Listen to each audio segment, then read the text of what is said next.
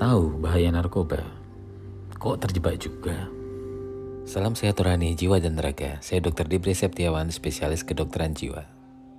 Kita akan membahas bagaimana orang bisa terjebak narkoba walaupun sudah tahu bahwa narkoba itu berbahaya.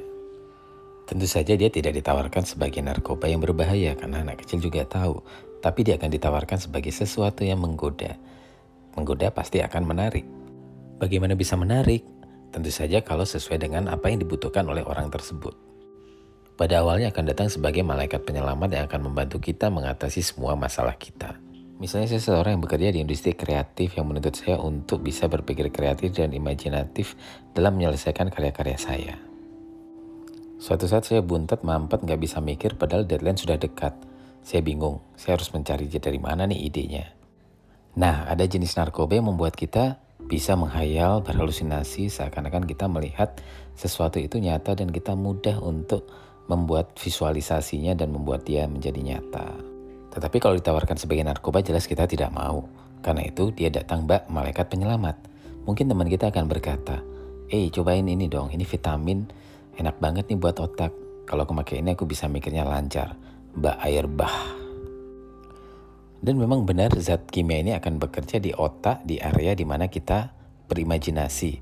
Dan kita akan merasakan imajinasi kita mengalir dengan lancar, kreativitas mengalir dengan jelas bah air bah.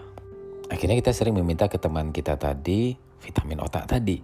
Dan ternyata karya kita menjadi lebih bagus, lebih cepat kita hasilkan, dan akhirnya karir kita meningkat pesat. Dan teman kita tadi, bak bidadari penyelamat kita lo kok beda dari dok tadi kan malaikat uh, temannya cewek kok jadi kita benar-benar terselamatkan bahkan karir kita menjadi meningkat ada lagi jenis narkoba yang membuat orang menjadi berenergi, konsentrasi tinggi, dan selalu waspada. Nggak ada capeknya. Bahkan tiga hari nggak tidur pun, it's okay. Tentu saja ini cocok untuk mahasiswa yang dikejar deadline untuk menyelesaikan tugas-tugasnya, atau juga orang yang kerja kantoran yang dikejar deadline untuk mencapai target tertentu. Dan tentu saja sekali lagi tidak ditawarkan sebagai narkoba, bisa saja sebagai vitamin yang membuat tubuh kita fit terus, bisa tetap bekerja dengan baik di tengah tekanan atau tumpukan tugas yang menggunung. Mbak malaikat penyelamat yang meningkatkan kinerja kita. Ada juga narkoba yang membuat kita menjadi percaya diri, bahkan kepedean, tidak takut kepada siapa pun, merasa berani menghadapi apa pun. Duh, terus gunanya buat apa? Ini bisa saja dibutuhkan orang yang tidak sesuai pekerjaannya. Mungkin saja dia orangnya pemalu, tidak pedean, tidak berani berbicara di depan umum, tetapi karena tuntutan pekerjaan akhirnya dia diminta untuk presentasi atau berbicara di depan umum.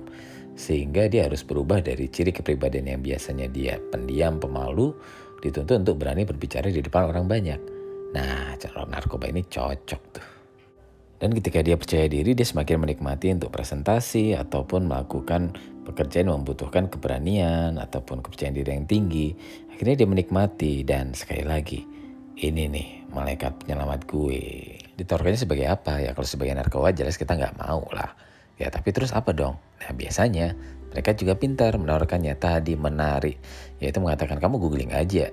Pasti akan kamu lihat di situ ekstrak min. Min itu ada efek menenangkan sehingga kamu tidak khawatir, tidak cemas, bisa menghadapi apa pun dengan tenang dan percaya diri.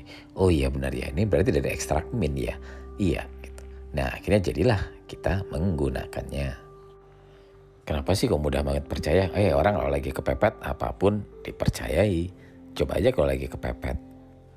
Nah ada lagi nih narkoba yang mungkin paling favorit ya. Siapa sih dalam kehidupan ini yang tidak stres ya? Nah mungkin ini cocok jadi misalnya dalam kehidupan keluarga stres, ada keributan, ada tekanan yang tidak nyaman, yang lagi sekolah, tuntutan ini itu dari orang tua membuat tidak nyaman, tuntutan pekerjaan membuat tidak nyaman, akhirnya galau pengennya tidur tapi nggak bisa tidur, galau pengen istirahat tapi tidak bisa istirahat.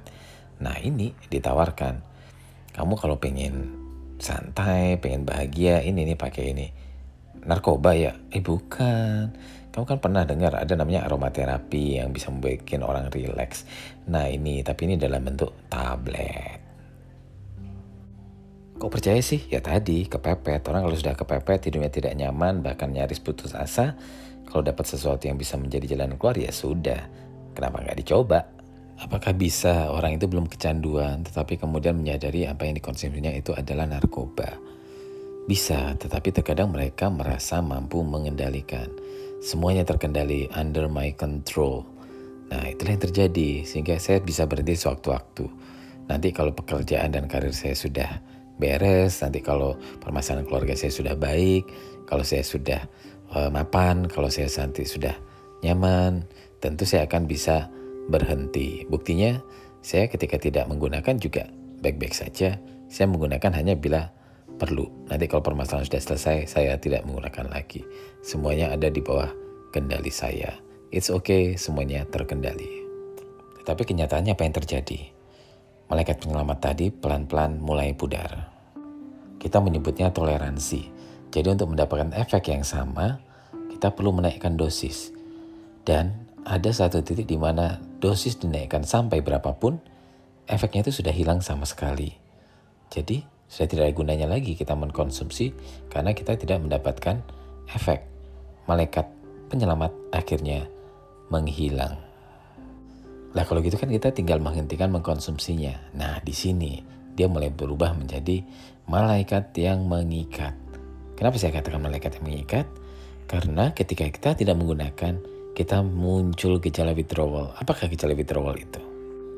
Kita nggak bisa mikir, kita nggak bisa menikmati apa pun. Malah kita jadi menderita, tubuh kita nyeri semua, sakit. Pokoknya seperti mungkin bisa dikatakan berada di neraka. Lah berarti bukan malaikat lagi dong, kan di neraka, setan dong. Ya memang benar setan, siapa bilang dia malaikat.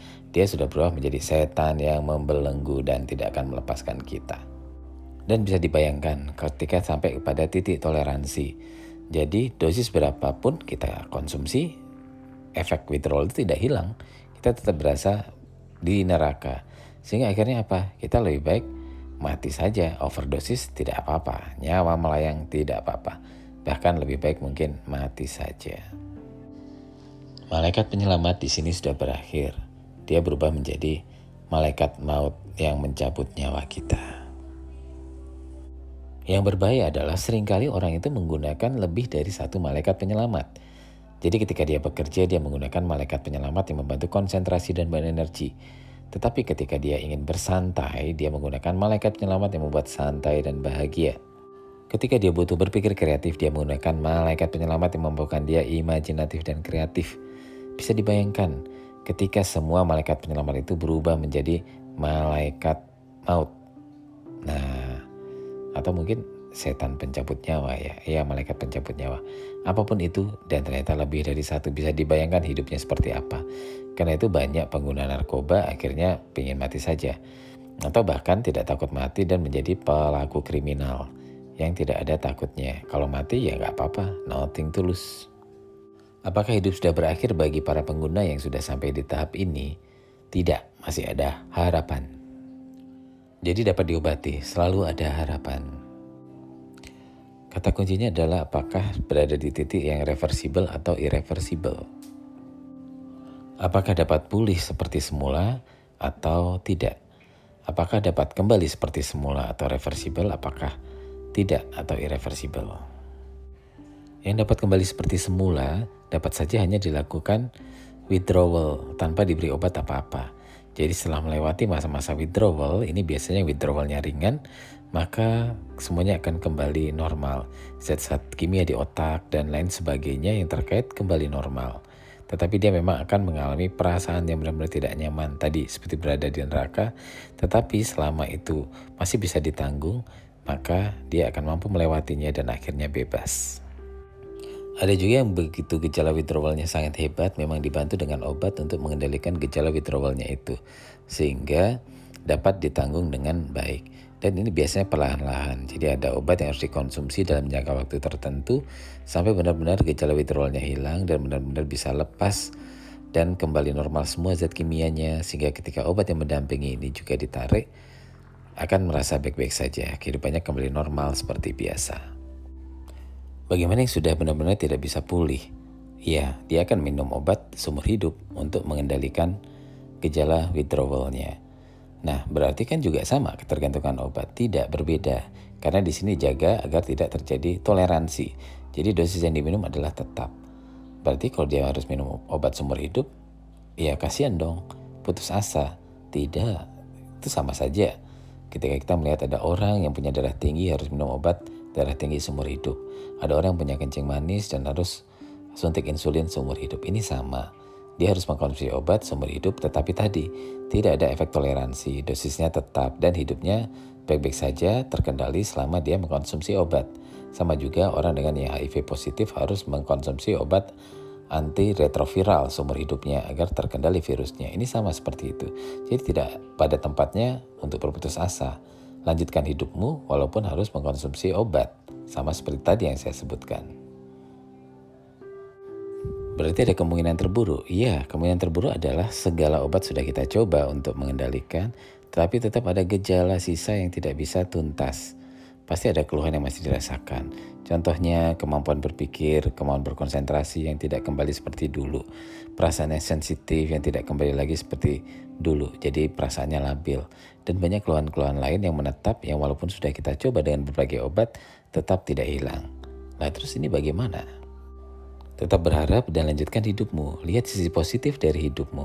Apa yang dapat kamu syukuri dari dirimu. Contohnya apa? Ada orang yang terlahir dengan cacat bawaan.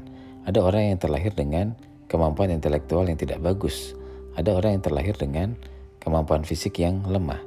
Tetapi mereka tetap melanjutkan hidup, tetap dapat melihat hal positif dari dirinya dan mengembangkan hal positif itu. Sama, mungkin ada beberapa hal dari hidup kamu yang sudah berubah dan tidak akan pernah bisa kembali lagi dengan obat apa pun tidak akan kembali lagi. Tapi lihat satu hal yang positif yang ada pada diri kamu yang bisa kamu kembangkan. Teruskan hidupmu, lanjutkan hidupmu dengan hal positif tersebut. Karena kamu tidak sendiri. Di sini kamu punya orang-orang yang mengasihi kamu dan yang terutama kamu punya Tuhan. Ingat, Tuhanlah yang menentukan kamu kapan pulang, bukan kamu yang menentukan kapan kamu pulang. Karena itu selama Tuhan belum memanggil kamu untuk pulang, tetaplah lanjutkan hidupmu Lihat harapan, lihat hal positif dari hidupmu, dan berbahagialah. Tuhan punya rencana atas hidupmu. Sayangi dirimu, letakkan harapanmu pada Tuhan. Percaya Tuhan menyertai kamu sehingga kamu menang di garis finish hidupmu. Salam sehat rohani, jiwa dan raga. Terima kasih.